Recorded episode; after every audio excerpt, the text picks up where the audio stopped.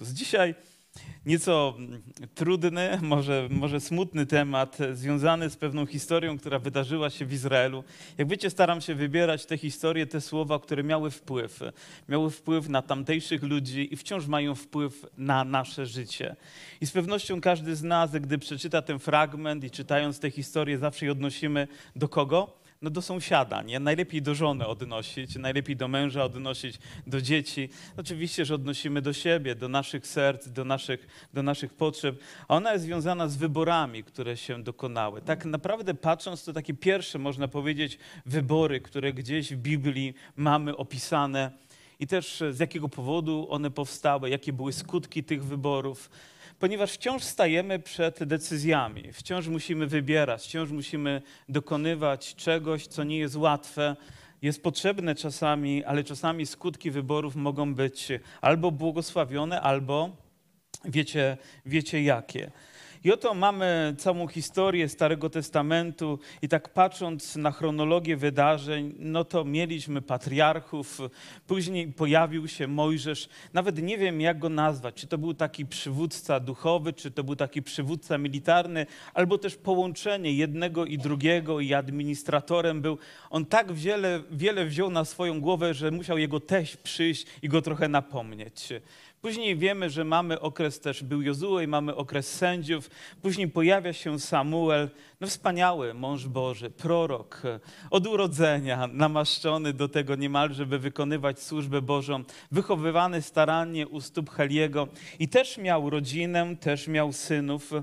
Ale jak to jest, że nie zawsze dzieci idą drogą swoich ojców? Że nie są takimi wiernymi naśladowcami, jakbyśmy to oczekiwali. Wiecie, kocham Biblię również za to, że mówi prawdę, taką mocną prawdę, taką czasami kontrowersyjną dla nas prawdę. No chcielibyśmy to ukryć, gdzieś na zapleczu schować, nie mówić o tym, no jak taki wspaniały Boży mąż, taka ikona, a teraz jego synkowie tutaj pogubili się w swoim życiu. I oto rzeczywiście historia mówi w ósmym rozdziale w pierwszej księgi Samuela takie słowa. A gdy Samuel się zestarzał. To jest zaproszenie na sobotę, żeby pięknie się starzeć.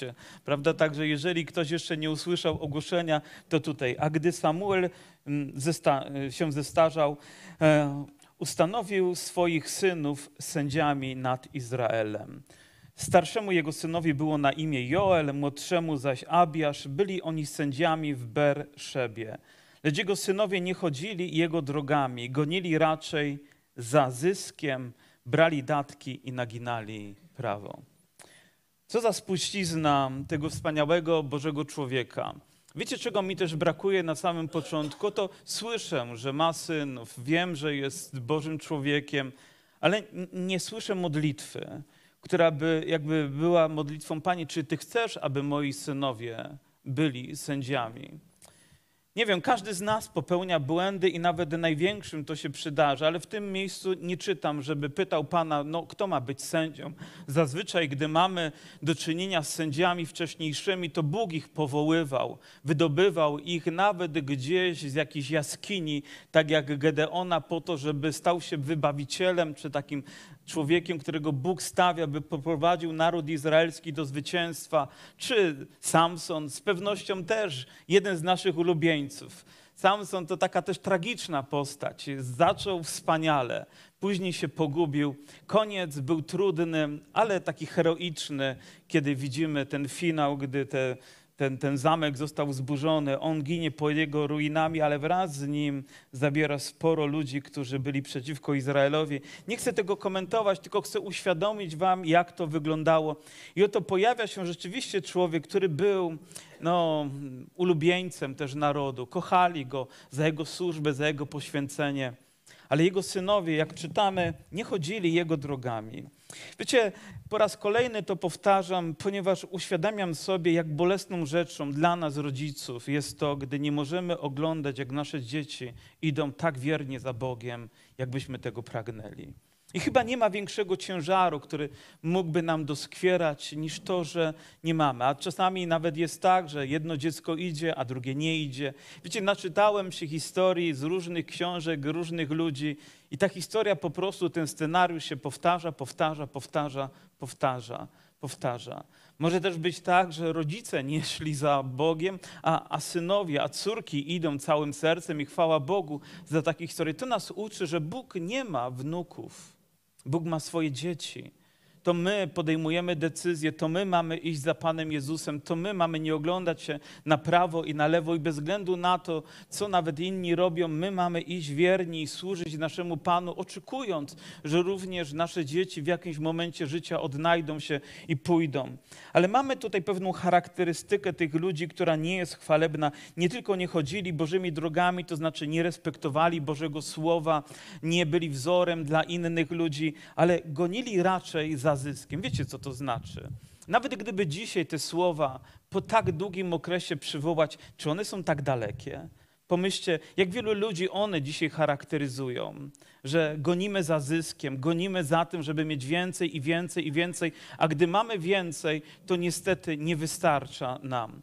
Niedawno słuchałem pewnej historii, e, ja lubię takie rzeczy, które są mówione w radiu czy gdzieś, więc słucham sobie czasami podcastów, jakichś wywiadów i oto pojawia się pewien terapeuta, który opowiada o człowieku, który miał miliony, naprawdę miliony. Mówi, e, jego żona później mówi, spadkobierczyni, mówi, byliśmy tak zamożni, że mogliśmy sobie miasto kupić. Polacy. Ciekawe, gdzie listy byśmy napisali, nie? Może by wspomogli, ale miasto mogliśmy sobie całe kupić, wszystko. Mówię, i ten człowiek zawsze odnosił sukcesy, jej mąż zawsze, zawsze, zawsze, zawsze odnosił sukcesy. Powiem, jaki interes nie otworzył, to się powiódł. I tylko jeden interes mu się nie powiódł. I stracił na tym jakąś cząstkę, niedużą cząstkę swojego majątku. To mógł być milion, dwa, ale to zaledwie był ułamek tego wszystkiego, co posiadał. I wiecie co? Ten człowiek popełnił samobójstwo. W swoim bajmachu się zagazował, ponieważ nie był w stanie znieść porażki. Jak widać, pieniądze nie są uzdrowieniem i gonienie za nim nigdy nie daje nam szczęścia. I również w tej historii to odnajdujemy, i być może, gdy dokonujemy wyborów, gdy chcemy coś robić w naszym życiu, gdy mamy rozpocząć jakąś nawet karierę, to zwłaszcza dla młodych ludzi, chociaż w różnym wieku różne rzeczy się rozpoczynają, to nigdy celem nie powinny być pieniądze same w sobie. Nigdy Raczej powinniśmy być ludźmi misji. Wiecie, można być też człowiekiem, który lubi rządzić, ale o wiele trudniej jest służyć ludziom, być tym, który jest wzorem dla innych ludzi. Gdziekolwiek jesteście, bądźcie misyjni, bądźcie wzorem, pokażcie ludziom, że nie najważniejsze jest to, ile wpływa na nasze, wasze konto, nie to jakby definiuje waszą wartość, ale to, jakimi jesteście ludźmi. Niech to będzie wartością tą największą w nas. Nie oceniajmy ludzi, jakim samochodem przyjeżdżają, ale jakie mają serce dla Boga. Oni po prostu pogubili się. Może powiedzieli sobie, a nasz ojciec to taki człowiek, który nie dawał sobie finansowo radę, ale my będziemy dawać sobie radę. Brali datki i naginali prawo. A więc nadużywali swojego stanowiska do tego, żeby wyciągać od ludzi pieniądze po to, żeby używać ich dla własnych celów.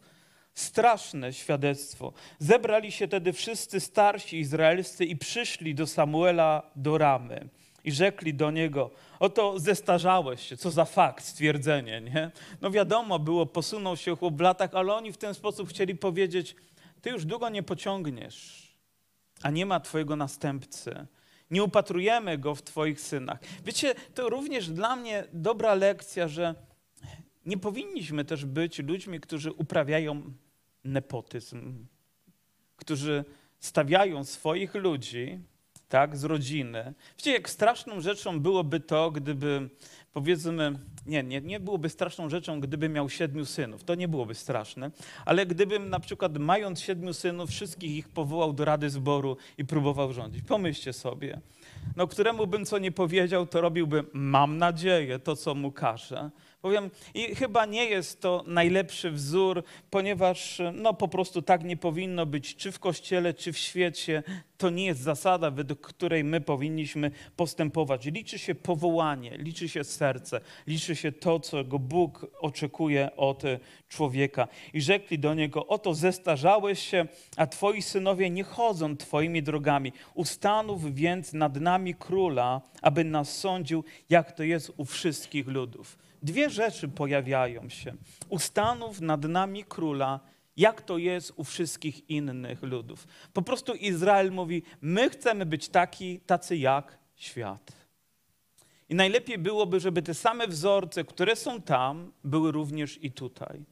Nie pytając Boga, czy on ma inny plan i ma inne założenie, inne pragnienie, po prostu. Zobaczcie, jak ogromne niebezpieczeństwo tkwi w takim sposobie myślenia, że chcemy tak jak świat, bo wydaje nam się, że to się sprawdza, że to jest dobre, że to jest sprawdzone, że to może być skuteczne. Dlaczego miałoby nie być? I dzisiaj również ta presja zewnętrzna może być tak duża, że będziemy próbowali na modłę tego świata robić wszystko to, co jest sprawą Bożego Królestwa, co dotyczy Boga i co dla nas jest tak ważne. Naprawdę wielkie ostrzeżenie dla mnie i wielkie ostrzeżenie dla każdego z nas. Pracujesz gdzieś, no to też musisz postępować tak jak ludzie tego świata. Wczoraj sprzedawaliśmy stary samochód Renault Clio 2. Szkoda, że nie kupiliście fajny samochód, ale wystawiliśmy gdzieś. No i przyjechało państwo, żeby kupić nasz samochód. No i wypisujemy umowę, no i trzeba wpisać cenę. Nie powiem wam za ile poszedł, ale od razu pojawiła się propozycja, tak jak świat, żeby wpisać o wiele mniejszą niż tą, za którą zostaje sprzedany. Wiecie, ja powiedziałem, powiedziałem Państwu całą prawdę na temat tego samochodu i tu również w tym dokumencie nie będzie kłamstwa. Nie ma na to zgody we mnie. Wiecie, nie chcę, żeby to zabrzmiało, że jestem tak doskonały, tylko chcę powiedzieć pewien wzór, pewne ciśnienie, które pojawia się w naszym życiu, kiedy stajemy w jakichś okolicznościach, żeby postąpić tak, jak ludzie postępują w tym świecie, a nie tak, jak my, Boży ludzie, powinniśmy postąpić. Wpisać coś innego, no bo przecież wszyscy tak robią. Ten świat tak robi, ta kultura tego wymaga i wszystkie inne rzeczy. Jakże trzeba mieć, powiem, taki moralny, twardy kręgosłup, by się nie ugiąć przed tym, by nie pójść tą drogą, by nie usankcjonować tego, co sankcjonuje świat. No jeżeli rozwody są powszednie, to również niech tutaj będą. Jeżeli inne rzeczy, niemoralność jest powszechna, to niech tutaj będzie. Nie, nie możemy tak nawet myśleć, ponieważ Boże Królestwo ma rządzić się zasadami, które pochodzą od jedynego króla. I druga rzecz, my chcemy króla. Chcemy, żeby ktoś nad nami rządził, ponieważ Ty się starzejesz. Już nie mówią, módlmy się, aby Bóg powołał jakiegoś człowieka, postawił, aby dalej nam przewodził, ale mówi, ustanów nam króla. Ale Samuelowi nie podobało się to, że mówili, daj nam króla. Nie wiemy jeszcze w tym momencie, z jakiego powodu mu się nie podobało. Może dlatego mówi, a co z moimi synami? Co z moją rodziną?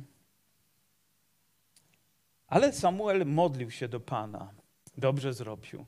Kiedy stajesz w miejscu potrzeby, kiedy musisz podjąć ważną decyzję, kiedy ciśnienie jest tak duże z zewnątrz, módl się, moja siostro.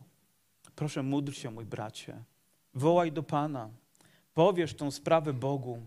Ja wiem, że On ma moc o nas się zatroszczyć. Czasami rozpędzamy się, czasami zagalopujemy się, czasami chcemy po swojemu coś zrobić.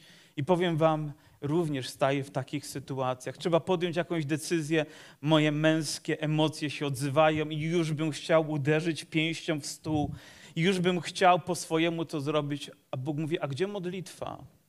A gdzie moje prowadzenie? a gdzie, nie wiem, uniżenie Twojego serca i pozwolenie, abym ja wkroczył w tę oto sytuację. Modlił się Samuel do Pana, a Pan rzekł do Samuela: Wysłuchaj głosu ludu we wszystkim, co mówią do Ciebie. Czy to nie jest dziwne? Że Bóg odpowiada, mówi, no to dobra, wysłuchaj ich, co nie oznacza, że Bóg się z nimi zgadza. Pomyślcie, powiem, Bóg się z nimi nie zgadza, a mimo to mówi dobrze, niech będzie tak, jak oni chcą. Wiecie, to jest naprawdę trudny też fragment i trudna rzecz. Jeżeli my na coś się uprzemy i coś otrzymujemy, on mówi, oto Pan mi to dał. Ale jeżeli nawet coś otrzymasz, to może dlatego, że nie taka jest wola Boża, tylko dlatego, że ty tak bardzo tego chcesz, nie wiedząc o tym, jakie konsekwencje za chwilę możesz mieć w swoim życiu w związku z tą decyzją. Chcesz iść tą drogą? Bóg nie zatrzyma cię wbrew twojej woli, nie zatrzyma cię na siłę, nawet pozwoli ci pójść. Ty odczytasz to, że w związku z tym masz błogosławieństwo, ale ta uliczka może być ślepa, więc dojdziesz do tego miejsca i zaczniesz wołać: Panie Boże, dlaczego znalazłem się w tym miejscu? Tylko ten głos niekoniecznie musi być później wysłuchany. Wysłuchaj.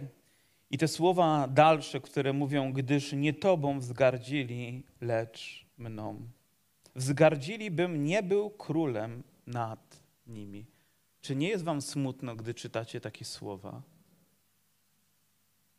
Czy nie porusza to Waszego serca gdzieś tak głęboko, przeszywając, że, że Bóg mówi: Wzgardzili mną. Kto? Boży lud, kto ci, których wyprowadził z Egiptu, tych, których powołał, tym, który dał swoje prawo, oni po prostu nim wzgardzili. Czy za każdym razem, gdy człowiek odwraca się od Boga, by wybrać to, czego on chce, czyż ta sytuacja nie powtarza się po prostu w nieskończoność? Że w ten sposób odrzucając za każdym razem jakby ponownie krzyżujemy, ponownie zadajemy ból, ponownie wykonujemy coś, co naprawdę jest trudne, gdyż nie Tobą wzgardzili, lecz mną. Zgodnie ze swoimi postępkami, jak postępowali ze mną od dnia, gdy przyprowadziłem ich, wyprowadziłem ich z Egiptu, aż do dnia dzisiejszego, porzucając mnie, aby służyć innym Bogom, tak postępują oni także z Tobą, aż do dnia dzisiejszego.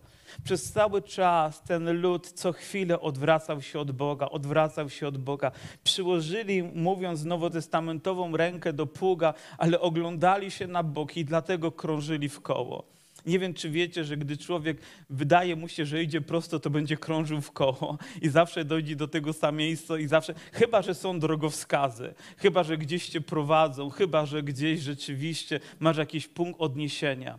Tym punktem odniesienia dla nas jest Boże Słowo. Jeżeli my będziemy krążyć, to wierzcie mi, zawsze będziemy w tym samym miejscu, ciągle do tego samego problemu powtarzać. Po prostu pozwól, aby poprowadził Cię Bóg.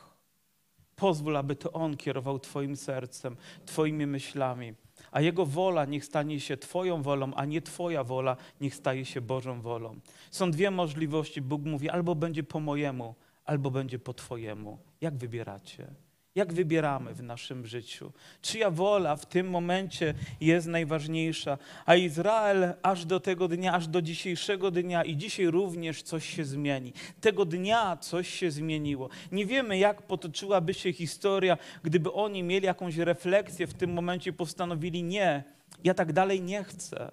I myślę, że człowiek powinien dojść do takiego momentu, gdzie musi podjąć decyzję i mówi: Nie, nie chcę, nie chcę kolejnej minuty, nawet kolejnej godziny, kolejnego dnia żyć tak, jak żyłem. Chcę żyć, Panie, zgodnie z tym, czego Ty ode mnie oczekujesz, zgodnie z Twoją wolą. Aby służyć innym Bogom, o to nie, nie, nawet nie wspomnę. Otóż teraz wysłuchaj ich głosów, ostrzeż ich jednak. Uroczyście podaj im wiad do wiadomości uprawnienia króla, które będzie nad nimi miał. Ten król będzie nad nimi panował. Mówi, ale ostrzeż ich. Wiecie, Biblia jest pełna błogosławieństw. Biblia jest pełna takich słów obietnicy, ale również jest pełna ostrzeżeń. Mówi, jeżeli uwierzymy, będziemy zbawieni, a jeśli nie uwierzymy, będziemy będziemy potępieni. Czy to nie jest ostrzeżenie? Czy w tym momencie nie dokonuje się ten najważniejszy wybór naszego życia?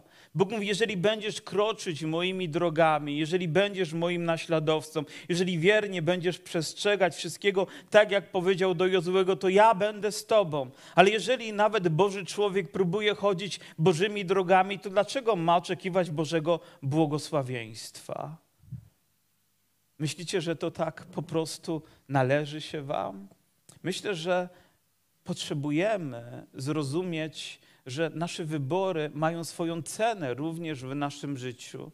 Powiedzmy, jeżeli spotkałem kogoś i ktoś chciał zrobić coś niewłaściwego w życiu, ale ja go nie ostrzegłem. To może być tak, jak mówi też e, prorok, że poniosę konsekwencje, bo widząc nie zrobiłem nic. Ale jeżeli ostrzegłem tę osobę, uważaj, ta droga czy ta decyzja wiąże się z niebezpieczeństwami, to bez względu na to, co zrobi ta osoba, ja będę w tym momencie wolny od poniesienia odpowiedzialności za to, ale mam odwagę, żeby powiedzieć w miłości tej osobie prawdę, że wiąże się to z przykrymi konsekwencjami albo drastycznymi konsekwencjami. I Bóg tutaj powiedział: Ale jeżeli pójdziesz, jeżeli to zrobisz, jeżeli tak uczynisz, to wiedz, jakie będą również tego konsekwencje. I mówi: Oto król będzie zabierał waszych synów, będzie ich sobie podporządkowywać, będą biegli przed jego orszakiem za jego orszakiem, z boku jego orszaka i gdziekolwiek tylko będą na jego żądanie we wszystkim wasi synowie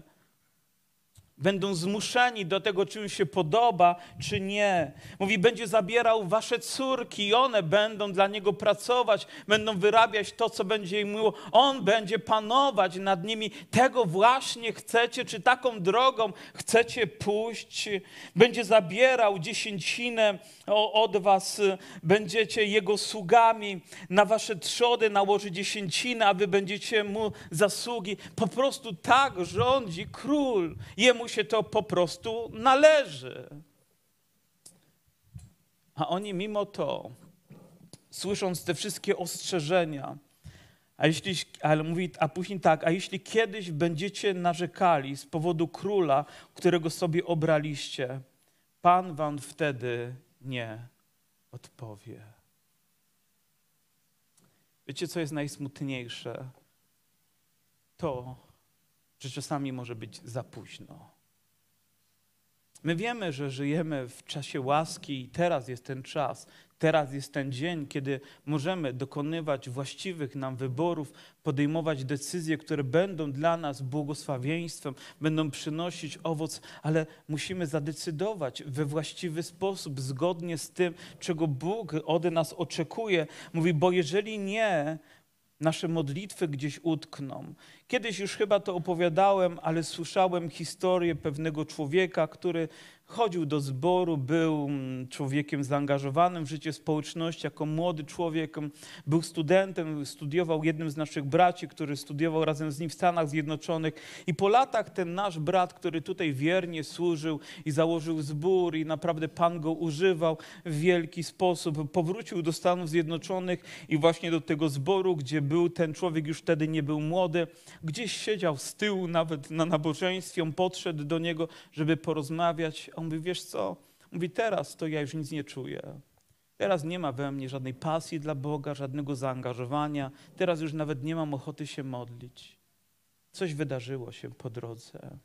Gdzieś jego nogi, jego droga skręciła w niewłaściwą stronę, a konsekwencją było to, że jego życie stało się po prostu jałowe stało się takie niezaangażowane. Wiecie, każdemu z nas to grozi. Przychodzą oczywiście chwile, kiedy nie na emocjach idziemy, ale zgodnie z prawdą Bożego Słowa jesteśmy wierni, aby na nowo Pan poruszył nasze serca, ale wciąż wiemy, że idziemy właściwą drogą, że idziemy zgodnie z tym, do czego Bóg nas powołuje, a jest tylko jeden wybór, który jest najwłaściwszy w naszym życiu, aby królem ponad wszelkimi królami, Panem ponad wszelkimi panami, dla nas był Jezus Chrystus. Wszystko inne musi być cieniem, wszystko inne nie może panować, nie może dominować, nie może niszczyć naszego życia, nie może być porządkowane w jakikolwiek sposób, nie może być tym, co będzie ważniejsze, wyniesione, wypiętrzone ponad Boga. Niektóre rzeczy po prostu stają się oczywiste, gdy rodzisz się na nowo, odrzucasz je, ponieważ Bóg przemawia do Twojego serca, mówi: To jest złe, to jest niewłaściwe, zastanów się. I rzeczy nie są być może aż tak wielkie nam się wydaje, ale dam wam pewien przykład. Wiele lat temu słuchałem pewnego misjonarza, mm, i on opowiadał, jak nawróciło się dwoje młodych ludzi. Um, dziewczyna i chłopak byli zaprzyjaźnieni ze sobą. I powiem, gdy się nawrócili, wrócili do swojego domu, a mieli wielką kolekcję płyt. Po prostu uwielbiali taką muzykę, która wiedzieli, wiedziała też, że w treści jest niezgodna z Bożym Słowem. Mnóstwo tam było złych rzeczy. Popatrzyli na nią i wiedzieli, co mają zrobić. Po prostu wyrzucili, wrócili do tego misjonarza z, stwierdzeniem i pozbyliśmy się tego. I wiecie, i tutaj wkroczyło błogosławieństwo. Pamiętam, jako młody chłopak przychodziłem na nabożeństwa, ale mój tata lubiał wędkować, a niedziela była takim dniem, kiedy on miał wolne, a ja miałem iść do kościoła, ale tata mówi, no to chodźmy na ryby, żeby połowić sobie, bo to fajnie spędzony czas. Pewnego dnia pamiętam, siedzę nad wodą, słoneczko pięknie świeci. Na, naprawdę zrobiło się, wydaje przyjemnie, stoję nad wodą i zaczynam płakać. Mówię, Boże, jestem w fajnym miejscu, wydaje się, że przyjemnie spędzam czas, ale ja gubię swoje życie w tym momencie. Powiem, nie jestem tam, gdzie powinienem być nie tam, gdzie jest w tym momencie nawet moje serce. I podjąłem decyzję, że już nigdy nie pojadę w niedzielę na ryby. Możemy jechać w każdy inny dzień, ale nie w ten dzień, kiedy Kościół się zgromadza, aby oddać Tobie chwałę. To był mój świadomy wybór.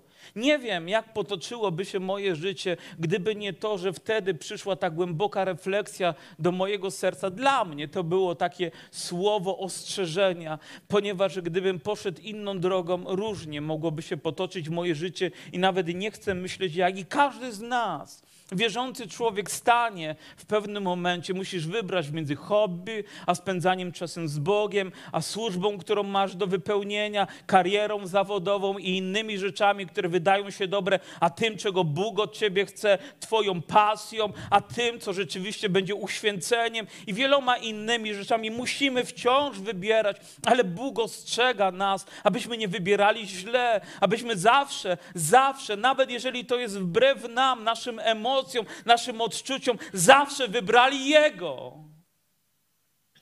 I za chwileczkę przyjdzie radość, przyjdzie pokój, przyjdzie szczęście.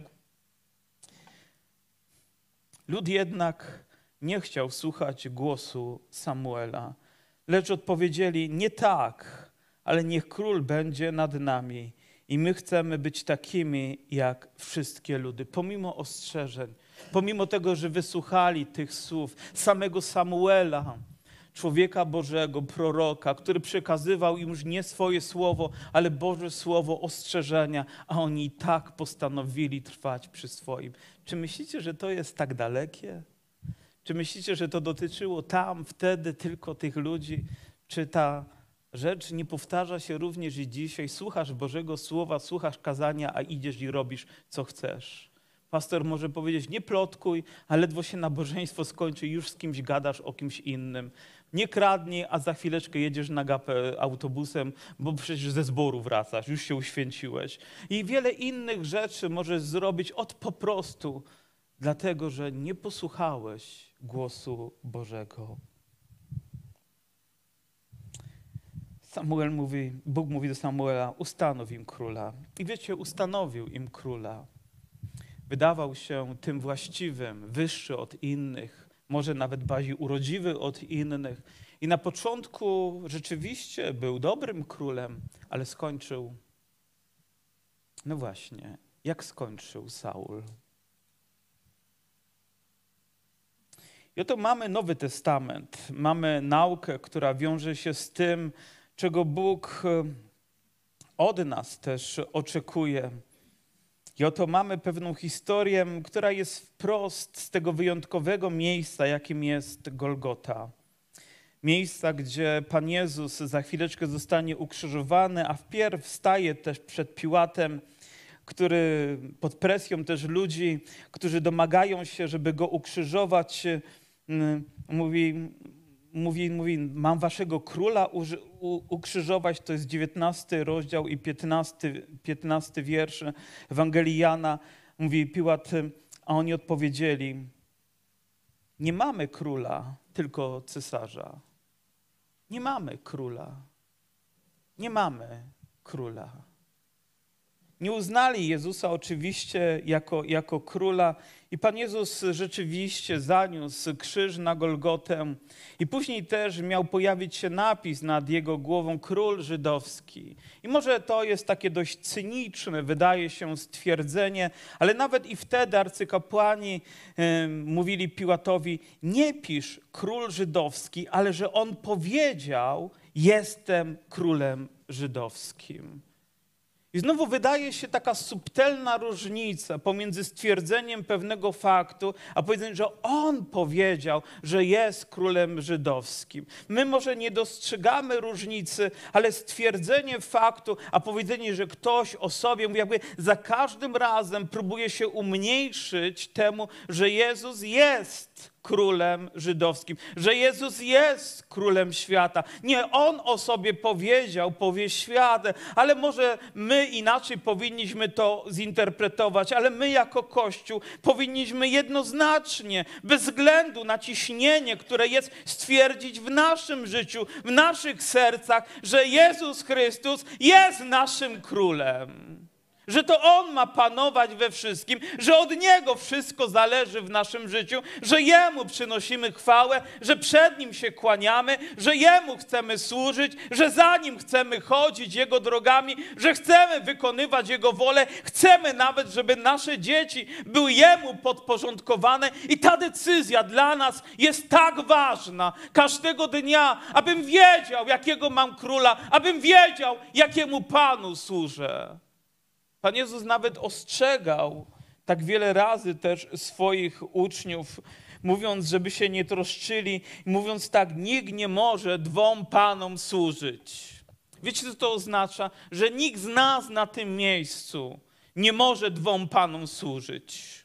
Nie możesz mówić, jestem człowiekiem wierzącym, ale prawdziwie służyć zupełnie komuś albo czemuś innemu. Coś, co ma tak wielkie znaczenie dla ciebie. Czy widzicie, że i dzisiaj ludzie mówią, co chcą, czego oczekują, czego pragną, a gdzieś osoba i dzieło Chrystusa niknie? Może nawet zniknąć na nabożeństwie, może zniknąć z naszych pieśni, może zniknąć z naszego zwiastowania, znika z naszych serc, z naszych priorytetów, z naszych wartości. Nie możesz dwóm panom służyć. Nie możesz służyć Bogu i i temu, co mówi, że jest Bogiem, próbuje podporządkować Twoje myśli i serce, ale nigdy, nigdy nie da Ci tego, co da Ci tylko Jezus Chrystus. Nigdy mamona nie da Ci miłości, nigdy mamona nie da Ci pokoju, nigdy mamona nie da Ci szczęścia. Nawet drugi człowiek nie da Ci tego. Ani prezydent, ani jakikolwiek monarcha nie da ci tego, co może dać ci tylko Jezus Chrystus. I później ten znany wiersz, myślę, że znany i ceniony przez nas wszystkich, ważny wiersz Bożego Słowa, który jest w Ewangelii Mateusza w szóstym rozdziale, wiersz 33. Gdy dzisiaj nawet przed nabożeństwem podszedłem, żeby podać ten wiersz, to siostra, która go spisywała, mówi: O, ale szukajcie najpierw Królestwa Bożego. Mówi: Pamiętam go ze szkółki niedzielnej. Wiecie, ja nie chodziłem na szkółkę niedzielną, ale to był jeden z pierwszych wierszy, którego nauczyłem się w moim życiu, aby wiedzieć, czego szukać najpierw. Jeżeli szukam królestwa, to szukam jego króla. Szukam wszystkiego, co Boże Królestwo wnosi do mojego życia. Mówi, ale szukajcie najpierw, najpierw, przede wszystkim, najpierw. To znaczy, że nie na końcu, gdy wszystkie inne rzeczy zawodzą, to wtedy może się pomodlę. I, i najlepiej jeszcze może przyjdę do zboru. Niech jeszcze Pan Bóg tutaj pomoże, ale nim to się stanie, nim ta sytuacja zaistnieje, nim podejmę te decyzje, będę szukał Bożego Królestwa, będę Jemu podporządkowywał moje myśli i moje serce, ale szukajcie najpierw Królestwa Bożego i sprawiedliwości Jego a wszystko inne, czyli wszystko to, czego potrzebujesz, to za czym tęskni Twoje życie, i Bóg wie nawet lepiej niż Ty sam wiesz, będzie Ci dodane. Bóg mówi: Zatroszczę się o Ciebie, ale Ty najpierw szukaj mojego królestwa.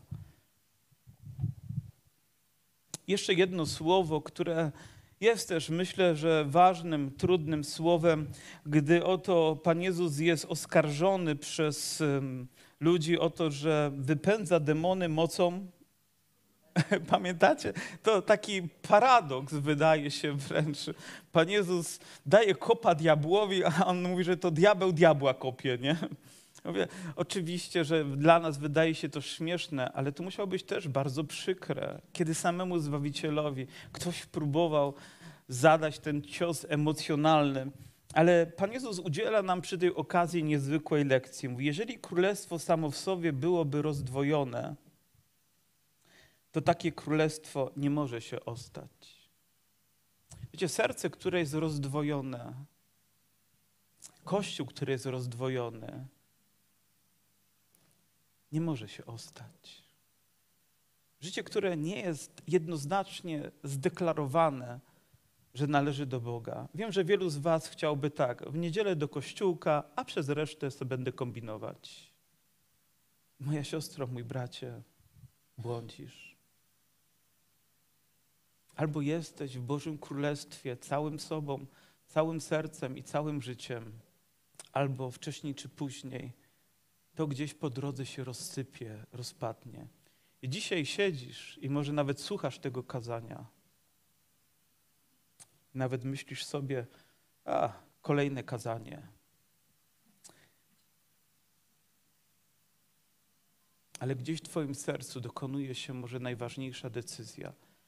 Zauważyłem w moim życiu, że nie tylko raz podejmowałem decyzję, żeby Jezus był moim Panem, moim Zbawicielem, bym mógł Go wyznać ale tak wiele razy byłem poddawany różnym próbom, ciśnieniom i, i gdzieś być może nawet moim zmysłom, które próbowały zupełnie czegoś innego, aby znowu dokonywać wyboru, znowu dokonywać wyboru.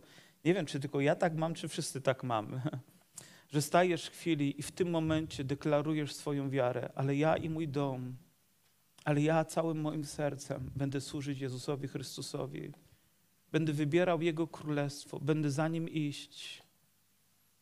I wiecie, to zaowocuje tym, że pójdą może za Tobą Twoje dzieci, pójdzie za Tobą Twój mąż, Twoja żona, ale jeżeli wybierzesz decyzję, która będzie ze względu na ludzi, to wiesz, jak to się stanie. Rozsypie się, będzie to podzielone. To nie będzie wybieranie Bożego Królestwa najpierw, najpierw, najpierw a dla świętego spokoju to właśnie to zrobię. Wiecie, ten spokój nigdy nie będzie święty. Ta rzecz nigdy nie będzie dobra. Zawsze powinniśmy wybierać to, co w naszym życiu jest tak fundamentalnie i prawdziwie ważne. Coś, czego nie zrobił Izrael, ale coś, co może uczynić dzisiaj Kościół. Wybrać raz na całe życie i każdego dnia wyznawać to, kim jest dla Ciebie jak ważny jest Jezus Chrystus, Król Królów, ponad wszelką wątpliwość i Pan Panów. Kiedyś oglądałem taki film Rydwany Ognia. Ktoś z was oglądał? Stary film, chyba jeszcze z tamtego wieku, albo przynajmniej z końca tamtego wieku.